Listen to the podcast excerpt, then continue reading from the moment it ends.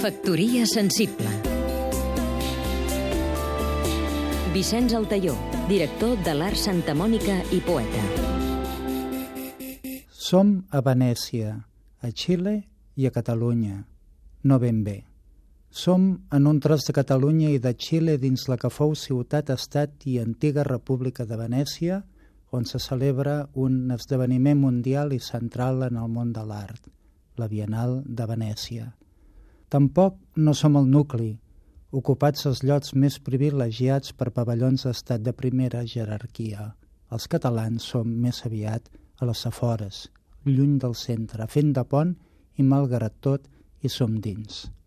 Em trobo a les portes del pavelló de Xile on ha estat convidat Alfredo Jar, artista de la primera generació del Global, reconegut internacionalment per donar visibilitat a conflictes ocults des d'una crítica de la imatge. Jar mostra una maqueta dels pavellons enfonsant-se dins l'aigua.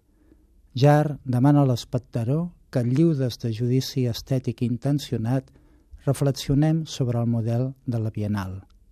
En el pavelló català, l'artista Francesc Torres presenta el projecte 25% i fa referència al nombre d'aturats que hi ha a Catalunya – a partir d'aquí, fa el seu treball amb no artistes. Som, doncs, dins i fora d'unes formes artístiques pures que es fan i desfan i refan en la història, dinàmica.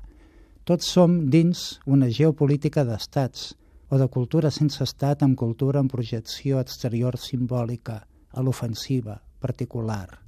De la crisi del 29 i les guerres civils dels anys 30, el triomf fundador de la cultura com a oferta i així fins a la crisi global d'ara, que ens obliga a plantejar una renovació de la cultura i dels estats. Factoria sensible Seguim-nos també a catradio.cat